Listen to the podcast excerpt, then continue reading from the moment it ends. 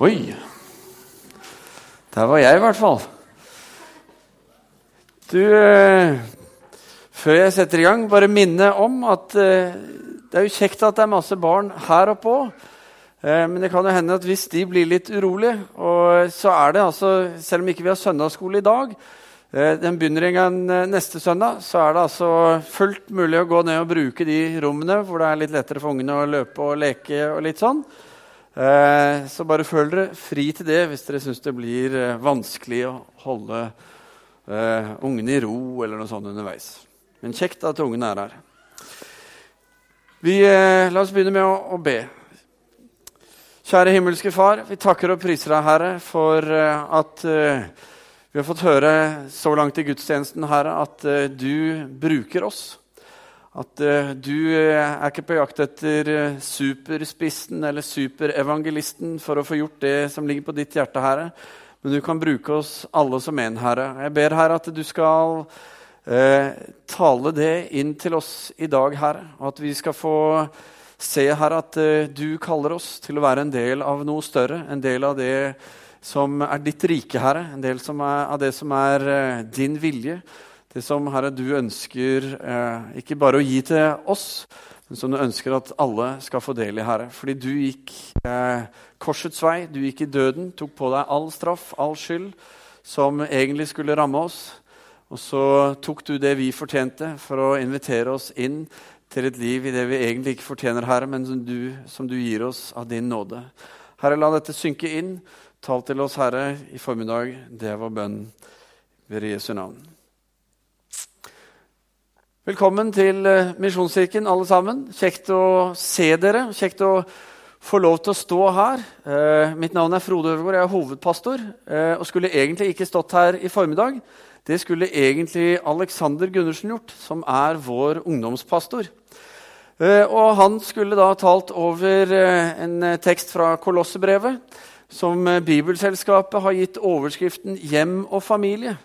Og Han jobba så godt med teksten at han tok den så bokstavelig at i dag prioriterte han hjem og familie framfor å være her på denne talerstolen og forkynne for dere i formiddag. Og Årsaken er enkel, og det handler om at dette lille miraklet i livet, Frida som hun heter, hun kom til verden nå på torsdag, og som gjør at eh, Alexander og Helene er verdens lykkeligste foreldre. Og eh, Alexander er da inne i en eh, fødselspermisjon to ukers eh, permisjon nå i den anledningen. Og jeg har fått gleden av å tre inn i hans sted. Så får vi se om ikke jeg kan få gjentjeneste en dag. For de som ikke vet det, så har jeg og min kone vi venter den 19. september av vår termin. Så får vi se. Eh, sånn er det. I sommer så eh, har vi valgt å tale gjennom Kolosserbrevet, Paulus brev til kolosserne eh, som vi finner i Det nye testamentet. Og vi er i dag kommet til den syvende av i alt åtte søndager i sommer, hvor vi eh, taler og går igjennom Kolossebrevet. Dagens tekst den er som du ser på veggen, den er fra Kolossebrevet kapittel 3, vers 18, til og med vers 1 i kapittel 4 er dagens tekst. Og Overskriften for dagens tale den er 'Å leve som for Herren'. Moder Teresa, hennes liv og tjeneste handlet om å ta hånd om de fattigste av de fattige. Og om å være hos de som var utstøtt fra samfunnet, de som ikke hadde noe eller noen til å være der for seg. Enten det var i sykdom eller inn mot døden eller hverdag eller hva det var. Eh, og så er det en historie om moder Teresa en dag hvor hun pleiet et eh, sår som var eh, skikkelig ille. Som det var masse puss, det lukta dårlig, og det var liksom gått eh, altså begynte å råtne. Alt var skikkelig ille. Skittent og alt dette. Og da var det en som sto og så på henne mens hun gjorde dette, og sa, 'Vet du hva? Det der kunne jeg ikke gjort om du hadde gitt meg en million kroner.' Hvorpå moder Teresa svarte, 'Ikke jeg heller'. Hun kunne ikke gjort dette hvis det var penger som var hennes motivasjon for å gjøre det. Verdien i det hun gjorde, lå i det å få lov til å tjene Gud og tjene de menneskene som Gud hadde vist henne i livet. Hun levde som for Herren. Hun så Gud i disse utstøtte, disse fattige, de som ingen andre brydde seg om. Og så er jeg overbevist om at de så Gud gjennom henne. Hva er det som driver oss i vår hverdag? Hva er vår motivasjon i forhold til vårt liv, våre relasjoner, hvor enn hverdagslige de måtte være? Hva er det som driver oss? I teksten vår så tar Paulus for seg forskjellige aspekter ved livet. De forskjellige relasjonene eh, vi har. Ikke alle, men noen av de, og særlig de som er knyttet til hjem og familie og arbeid. for så vidt. Enten det er ditt forhold til ektefellen din, om du har det, eller eh, som barn til foreldrene dine, eller som forelder til barna dine, eller som ansatt overfor sjefen din, eller som i teksten her, som slave i forhold til herren din. Det er helt klart mange sider ved den kulturen som Paulus eh, levde i, og som han skriver til, som eh, er annerledes enn det vi har i dag. For så ringte ikke telefonen. Eller hva det nå er. Men, eh, og det er mange ting som måte, bryter med vår kultur i dag. F.eks. dette med slaveri. Og Paulus kunne sikkert gått hardt ut mot det hvis han skulle følge liksom sin umiddelbare instinkt og bare Men dette er galt. Eh, men Paulus sitt fokus det var å fremme Guds sak gjennom strategien en utbredt menighet like til jordens ende. For det han gjorde, det var å bygge menigheter, forme menigheter med etterfølgere av Jesus. Mennesker som skulle leve som for Jesus, altså leve lik Jesus, sånn han levde. Og på den måten være med å forandre verden og de omstendighetene som var. Så det Paulus gjorde, altså istedenfor å skape en ytre revolusjon hvor han lagde svære bannere og eh, dro i gang demonstrasjonstog liksom, med nei til slaveri og ja til likestilling og alle disse tingene, så valgte han i stedet å starte en indre revolusjon gjennom den fremvoksende menigheten og det forvandlede livet som skulle skje i de som var en del av den menigheten. Strategien til Paulus den ligner eh, mye på en av lignelsene, eller flere av lignelsene til Jesus, men i Matteus 13 vers 33 så har Jesus denne lignelsen. Det står det, Enda en lignelse fortalte han dem. Himmelriket er likt en surdeig som en kvinne tok og la inn i tre mål mel, så det hele til slutt var gjennomsyret. Det du gjør, gjør det som for Herren, var på en måte oppskriften som Paulus hadde. La det være til Guds ære, det livet du lever, de valgene du tar, de holdningene du har sånn du møter mennesker. La dette reflektere Guds vesen. La det reflektere den virkeligheten som vi får i Han, og som vi lærer om i Guds ord, og som Jesus kom for å gi oss. Og Det er liksom dette som gjennomsyrer den teksten som vi hørte lest tidligere i stad, eh, og som Paulus ønsker å måtte gjennomsyre i det som var hverdagslivet til kolosserne, de som bodde der. Og Mange har kalt denne teksten en hustavle. en sånn der, Denne har vi hengt opp. Her har vi noen sånne der statements. Sånn vil vi leve. Dette er viktig for oss. Men så er det også en tekst da, dette her, eh, som handler om underordning og handler om slaveri og alle disse tingene. En tekst som en del nok tenker hmm, er nok litt skeptisk eh, til eh, akkurat det jeg møter her. Nettopp pga. disse tingene som bryter med vår hverdag og det som er vår kultur. Vi skal eh, snakke litt om det etter hvert som det kommer. Vi skal begynne med da, å underordne oss teksten. Og begynne i vers 18. Og der begynner det. Dere kvinner, sier Paulus, underordne dere ektemennene deres som det sømmer seg i Herren. Nå ser jeg alle menn smiler. Noe veldig òg. Nei da. Men poenget er at når Paulus skriver dette til menigheten i Kolossai, så er dette uproblematisk. Fordi man hadde en familieordning og institusjon hvor mannen var overhodet, og kvinnen skulle underordne seg han. Og Det var vanlig. Eh, at det var sånn. Men, det, men, sånn det er med mennesker, så kan jo også dette misbrukes. Og eh, man kan liksom ikke ville gjøre det fordi kanskje mannen ikke var så god, eller så videre. Men Paulus sier, 'Underordne dere Gjør det, sier han.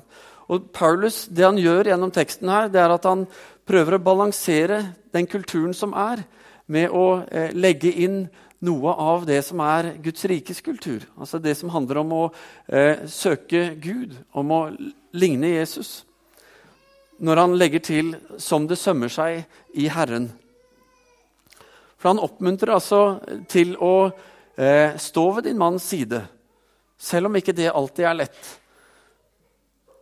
Men gjør det som om det var ved Herrens side du sto, sier Paulus. Han sier for det handler om trofasthet, det handler om respekt og det handler om ære. Og det var ikke sånn at alle mennene var grusomme og fæle. Det er ikke det. Men han går inn, og så balanserer han. Helt fra skapelsen av så lærer Bibelen oss at mann og kvinne, når de gifter seg, at, så står det at de ikke bare blir mann og kone, og det sier, men det står at de blir ett. De to skal være en enhet. De skal stå sammen i disse tingene. Og Det er det Paulus eh, oppmuntrer til, og så bygger han inn dette gudsrikesperspektivet.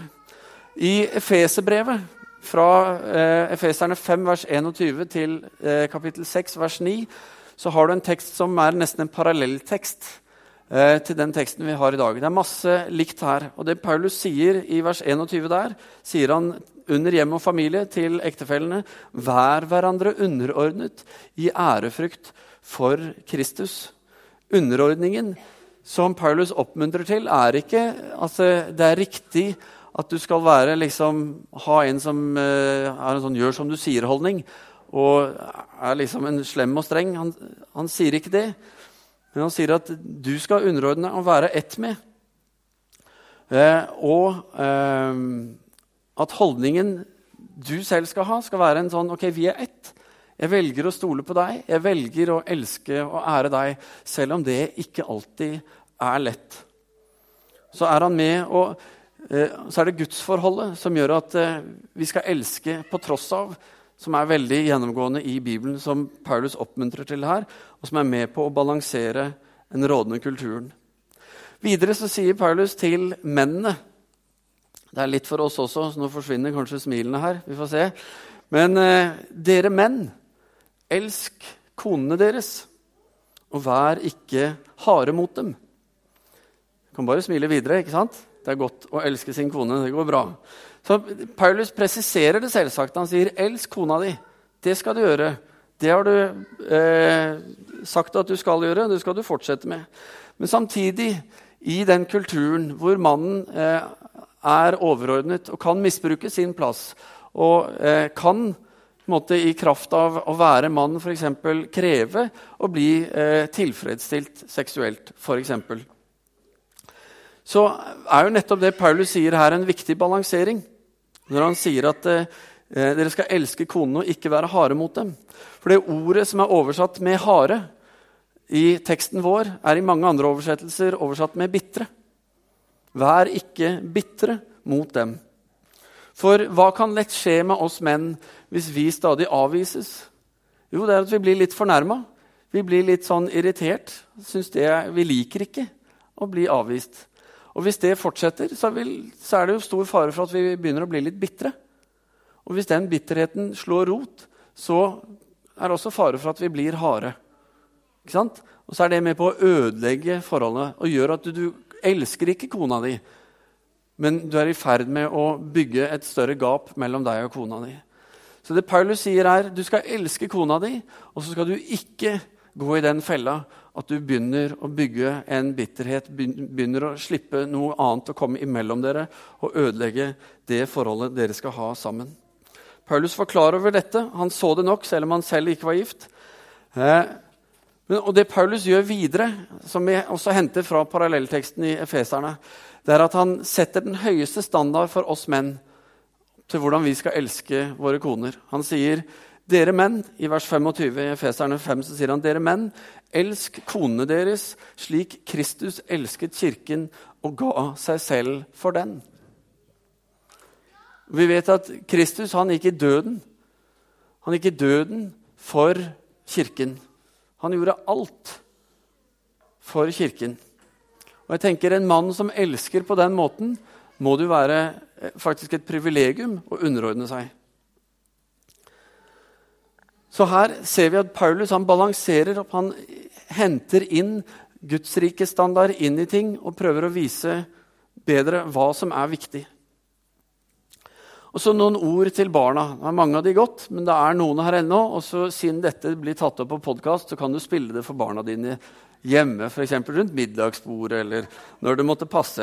I dag er det pastor Frode vi skal høre på, kan du si. Men eh, vers 20 så sier Paulus.: Dere barn, vær lydige mot foreldrene deres i alt. Det er til glede i Herren, sier han. Eh, så jeg skal komme med et tips til alle barn. Og det tipset er som følger Lær deg foreldrespråket. Foreldre har nemlig et eget språk som kan være vanskelig å forstå, som kan være vanskelig å lære seg. Men hvis du klarer å lære deg foreldrespråket, så vil du oppleve at livet og hverdagen det forandres. Det blir mye bedre.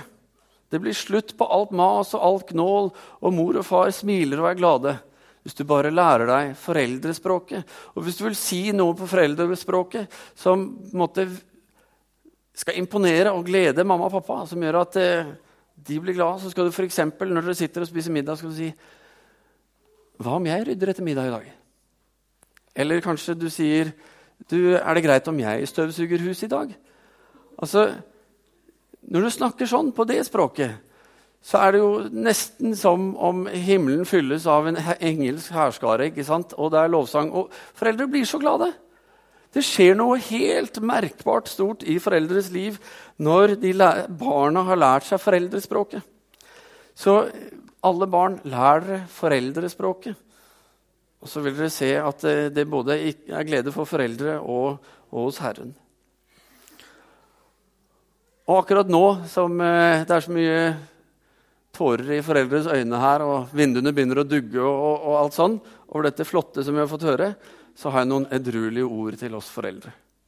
Og det er vers 22. Eh, 21, unnskyld. Dere foreldre, vær ikke så strenge mot barna deres at de mister motet. Vær ikke så strenge mot barna deres at de mister motet. Det var utbredt da, og det er utbredt i dag. Foreldre som vil litt for mye, litt for fort. Og som eh, er på hugget litt for mye overfor barna. Selv om barna, Og som ikke kanskje alltid ser at barna prøver, men som står på og maser, har for mye mas og for lite tålmodighet. Og så gradvis så stjeler man liksom motet til barna og så blir de lei og gir opp og ikke tror de på seg selv og ikke tror de på eh, at de kan få det til, eller at det mamma og pappa sier, er riktig eller noe. Eh, både Marianne og jeg har snakket sammen om at av og til så merker vi på oss selv at vi kan gnåle. At det blir liksom å bikke over. Det handler jo handler om at vi vil det beste for barna våre. Vi vil at noe skal skje. Vi ønsker å se noe. Men så vet vi alle at gnål det er umotiverende. Det gjør noe med oss. Eh, og når ungene ikke gjør sånn som vi vil, så er ofte kanskje årsaken til at vi er for kjappe til å prøve å korrigere og skape det vi ønsker å se som foreldre. Og så mister barna lettere motet. Men kunsten er å elske barna og Det er også utfordringen. Men å elske dette inn i barna sitt liv. Og oppdra altså, som for Herren. Og så av og til kanskje sette seg selv i, i barnesetet, holdt jeg på å si. Og tenke på at vi har en far i himmelen som har eh, mange ønsker og drømmer for oss. Alt hva vi skal få erfare og oppleve. Hva vi skal ta del i. Og så vet vi det at eh, der kunne vi vært flinke. Og hvis Gud hadde kjørt en lovisk måte, rutine på oss, så kunne han mast og gnålt noe veldig. I hvert fall på meg. Jeg vet ikke åssen det er med deg. Men det er masse han kunne gått og gnålt på meg over. ikke sant? Han kunne gjort det så mye at du måtte ty til liksom, det lista-uttrykket om liksom å, å mase livlorten ut av deg. Hvor det bare blir for mye at det går utover livet. Men poenget er at Gud maser ikke. Gud straffer ikke, og Gud er ikke utålmodig. Men han elsker, han inviterer, og han tilgir. Han står med åpne armer. Og jeg sier ikke at vi skal bare flate ut hele barneoppdragelsen. Det er ikke det. Men jeg tror ofte så skal vi ta et steg tilbake og så spørre ok, Gud, hvordan skal vi gjøre dette på en bedre måte. Nettopp for ikke å ta motet fra barna. Resten av den teksten som er dagens tekst, skal jeg ta litt mer under ett framfor vers, vers for vers, som jeg har gjort til nå. Og her møter vi denne slaverelasjonen som var vanlig den gangen eh, og som ikke vi har på samme måte i dag hos oss. Og siden eh, slaveri, er et, eh, slaveri, er et, ladet begrep, eh, skal vi bare ta en en liten parentes bare for å si noe om det. Slaveri i dag er ulovlig og assosieres i all hovedsak med de grusomste eh, skjebner som mennesker har. Enten du snakker om trafficking, hvor du har kvinner som blir eh, kidnappet, tatt i fangenskap og satt i prostitusjon, tvangsprostitusjon, og misbrukt på helt forferdelige måter. Eh, bare for at noen skal tjene penger på det. Eh, det samme skjer også med barn. Og, eh, som, og dette er slaveri. Og vi, vi, ser om det, vi hører om det, og vi gremmes og syns det er fælt hver gang vi hører om det. Vi vet om barn og eh, noen ganger også hele familier som må jobbe og ikke nesten tjene noen ting, men som er rett og slett, altså det vi kaller barnearbeid. ikke sant? Men det er noen som står og er herrer, og som rett og slett driver med slaveri. Og som ikke gir dem rettigheter eller noen ting, men bare kjører på på verste måte. Eh, og det fins mange andre former for slaveri rundt omkring. Og slaveri i dag er ene og alene negativt. Men så er det også sånn at eh, det sies at aldri har det vært mer slaveri i verden enn det det er i vårt moderne samfunn. Slaveri i vår tid er ene og alene grusomt. Når nå Paulus snakker om slaveri, så er det en kultur hvor slaveri er vanlig. Det er akseptert å ha en slave, eie en slave og ha i hus. Eh, så når Paulus snakker om slaveri, så snakker han ikke om trafficking og alt dette grusomme, selv om det helt sikkert eksisterte den gangen også. Men Paulus snakker om det vanlige, på en måte organiserte, hvis du har en slave, og hvor det også var noen eh, regler og rammer for dette. Men eh, slaveri var der. Det, eh, mennesker var eid av andre og måtte tjene de fullt ut. Eh, og jeg tror eh, Paulus så for seg at slaveriet det var noe som skulle opphøre. Det var ikke en del av eh, Guds plan. Dette var noe som måtte vekk. Og han trodde som sagt på menigheten eh, og menighetens utbredelse, og at Guds rike sin framgang i mennesker skulle være med på å avskaffe dette. Paulus sier i Galaterne 3, vers 28, så snakker han nettopp om dette fellesskapet av troende. og hvordan det er, hvor Han sier her er ikke jøde eller greker. Her er ikke slave eller fri. Her er ikke mann eller kvinne. Altså, her er ikke eh, si, nordlending eller sørlending eller svenske eller dansk. Altså, alt dette her. Men han sier dere er alle én i Kristus Jesus. Så det er tydelig at Paulus eh, måtte, er imot slaveriet, men han går inn og så prøver han å balansere igjen ved å si hvordan gjør vi dette i Guds rikes perspektiv? Hvordan kan vi være med på å endre og skape noe nytt inn i dette? Paulus gikk for den indre revolusjonen. Og Så sier han da også tydelig til eh, de som har slaver sier han I siste verset, i første verset i kapittel 4 sier han dere som er herrer, behandler slavene deres rett og rettferdig, for dere vet at også dere har en herre i himmelen. Og så vet vi at det du vil at andre skal gjøre mot deg, skal du gjøre mot dem. Så til syvende og sist så bare opphører jo egentlig slaveriet når dette setter seg hos folk. Videre så snakker Paulus om dette med å være en øyentjener. Altså at Det vi gjør, gjør vi for å behage andres blikk, andres øyne. For at andre skal tro godt om oss eller eh, tenke at vi har alt i orden og alt det der. Og så er jo det noe vi ser i dag, som er godt utvikla i vår eh, tid, i vår kultur. Én ting er at eh, vi prøver å kle oss og eh, stelle oss og få alt til å se best mulig ut. ikke sant? Eh, og, men det er også sosiale medier. Hvor vi jobber med å finne det beste bildet og legge det ut. Hvor vi hele tiden formidler alle de gode tingene, alt det bra. Se på, ikke sant? Og så er vi med på å forsterke noe som er med på å skape bilder som eh, kan være vanskelig å se på hvis man ikke har det så bra selv. På samme måte så tror jeg mange, eller vet jeg at mange opplever at Kirken er et sted for de som får det til.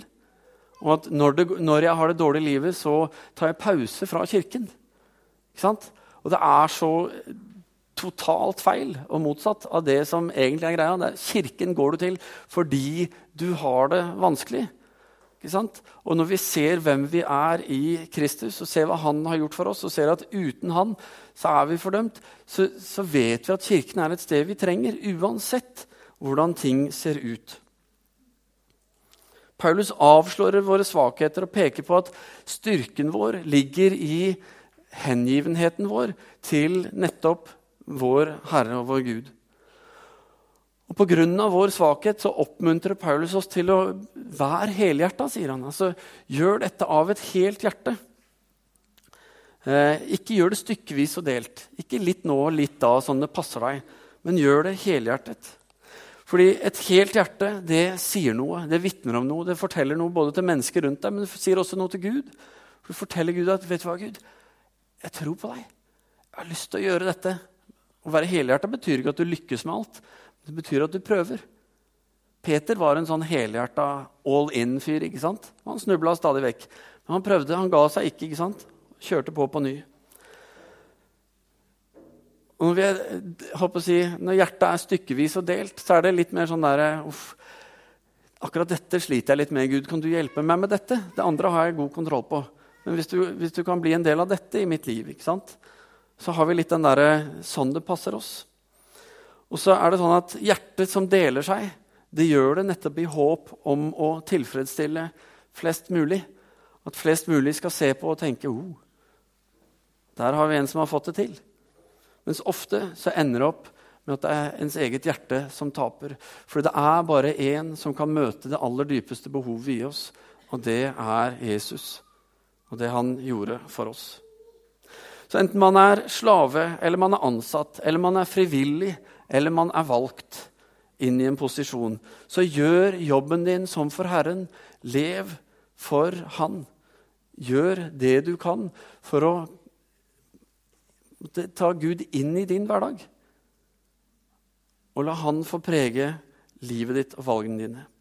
Peter, Simon Peter, som var disippel, og som fulgte Jesus, som vi så vidt nevnte, han var en sånn spontan rett på sak-fyr som liksom Oi, her er det noe, her må vi inn, og så må vi ordne til. Han hadde jo en tendens til å gripe inn, vet du. Og han gjorde det også når Jesus prata. Altså, han gikk inn og skulle hjelpe Jesus og korrigere litt på han og få Jesus til å liksom sånn, Hvis du gjør det sånn, så blir det bra. Nei, sånn kan du ikke gjøre Jesus. Ikke sant? Når de var oppe på det som kalles Forklarelsens berg, hvor eh, Peter, Jakob og Johannes får se Jesu herlighet, og Elia og Moses kommer, liksom. Og Da er Peter inne. Ja, men dette skal vi ordne opp. Her bygger jeg tre hus, og så kan dere flytte inn her, og så har vi det fint. Ikke sant? Så, nei, det er ikke planen. ikke sant? Slapp nå av. Eller når Jesus eh, sitter med vaskevannsfatet og vasker disiplenes føtter, og så er det Peter sin tur, og Peter Nei, nei, nå, Jesus, nå har du misforstått. Dette er feil. Dette kan ikke du gjøre. ikke sant? Jo, selvfølgelig, dette må han gjøre. Eller når Jesus fortalte disiplene at han skulle dø, at de kom til å ta han til fange, han kom til å bli drept, men så skulle han stå opp igjen. Så kommer Peter og liksom Nei, vet du hva, dette går ikke. Altså, Vi har helt andre planer for deg, Jesus, og det innebærer ikke dette. Nå må du følge med på det jeg skal si. ikke sant? Og så har Peter en litt sånn der, nå karikerer jeg litt, men han har en sånn der holdning som mangler litt sånn forståelse av hvem han er sammen med. Mangler litt forståelse av, eller tro da, og tillit. Han skal inn og styre og ordne og få dette til selv. Og kanskje handla det om at han ikke helt hadde forstått hvem Jesus var. Selv om Peter var den som på spørsmålet hvem, hvem sier dere at jeg er?' var den som sa 'Du er Messias, den levende Guds sønn'. Ikke sant? Så allikevel altså Han så det. Men sånn er det med oss. Altså Vi kan se at Jesus er bra, og ja, han er Guds sønn, og alt dette. Men så er det noe med det, hvordan, hvordan virker det inn i hverdagen? Hvordan påvirker det oss? Hvordan gjør det at vi endres, sånn at vi kan leve som for Herren? Og jeg tror Peter trengte å møte seg selv i døra når hanen gol for tredje gang. Det var noe i Peter som var nødt til å dø for at han skulle kunne leve helhjertet for sin Herre, for sin Mester, for Jesus Kristus. Og vi leser om etter at Jesus var stått opp igjen eh, og møtte Peter og de andre disiplene som var og fiska, og de spiser sammen, alle disse etterpå, så sier eh, Jesus til Peter så sier Han han heter jo Simon Peter. Han sier, 'Simon, Simon Peter, sønn av Johannes, elsker du meg mer enn disse?' Så svarer Peter, 'Ja, Herre, du vet at jeg har deg kjær.' Og Så spør Jesus dette to ganger til, en ganske lignende ordlyd. 'Elsker du meg? Har du meg kjær?' Ikke sant? Og så er det sånn for å understreke overfor Peter at det livet som jeg kaller deg til å leve, det handler om å følge meg, det handler om å elske meg. Det handler om å leve som for meg. Sette meg først. Og så sier han kanskje også at eh, vær fokusert på det. Fordi det som prøver å stjele deg fra det, det er den egenkjærligheten. Den egen, altså der hvor du vil inn og hevde din rett. Du vil ta kontroll. Du vil gjøre sånn som du vil.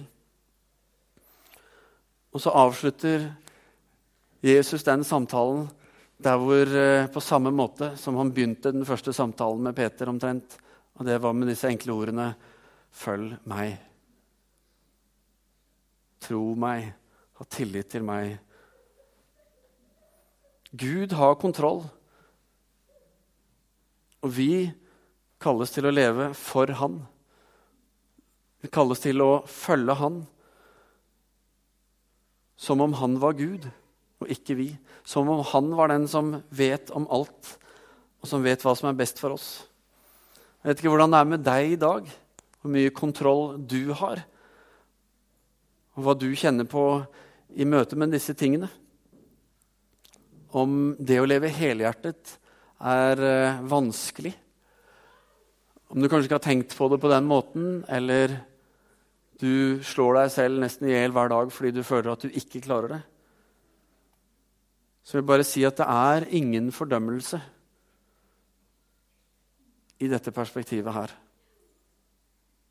Det er ingen masete foreldre som står og gnåler på deg. Det kan hende du opplever at det er en masete pastor av og til, men får bare overse han og vite at det er ingen fordømmelse. Jesus han kom, han levde, han døde og sto opp igjen for å fortelle oss alle at vi er invitert til å leve et liv som både oppfyller det dypeste i oss når Jesus får være Herre. Når vi ser hvem han er, tror at han er den han er, slik at dette kjærlighetsforholdet som Jesus måtte understreket overfor Peter, at det får komme. Og at dette livet har kraft til å forandre den verden vi lever i i dag.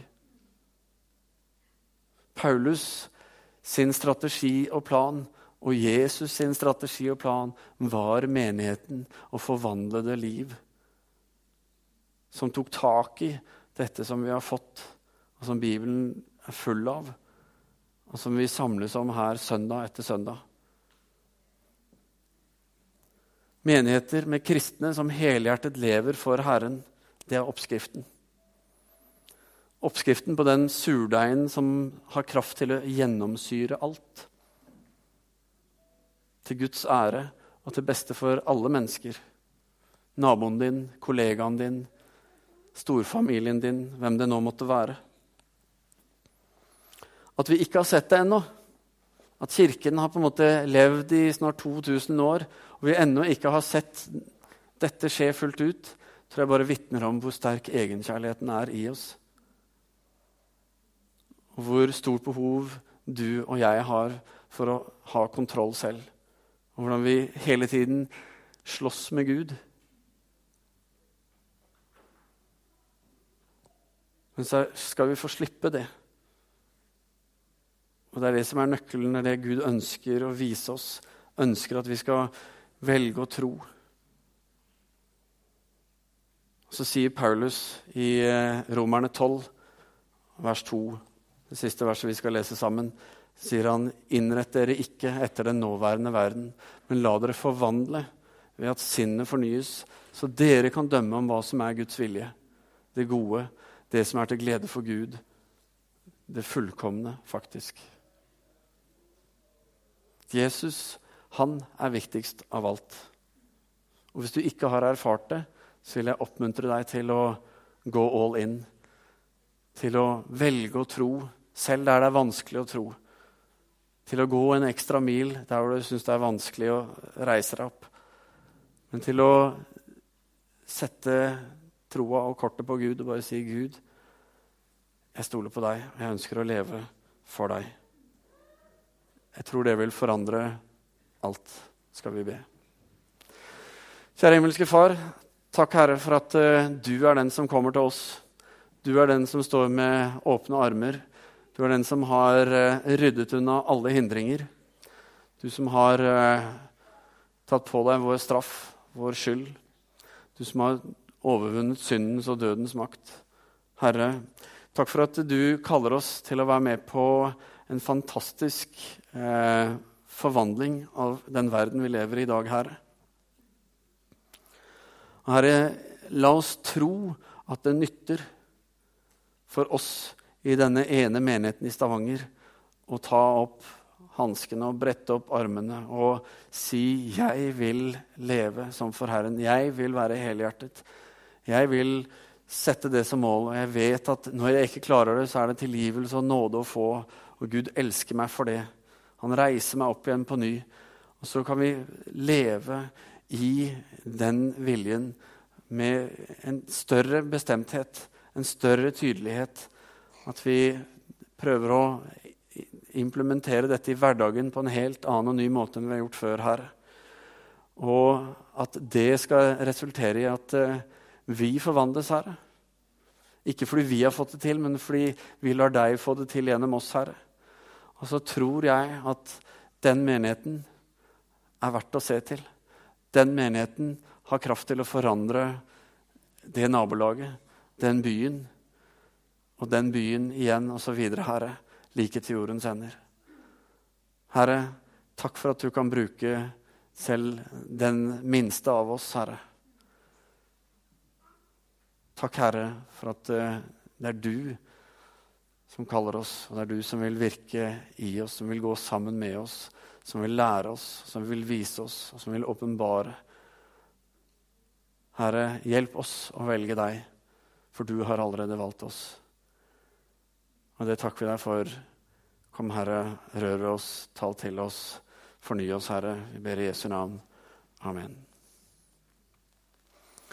Skal vi få en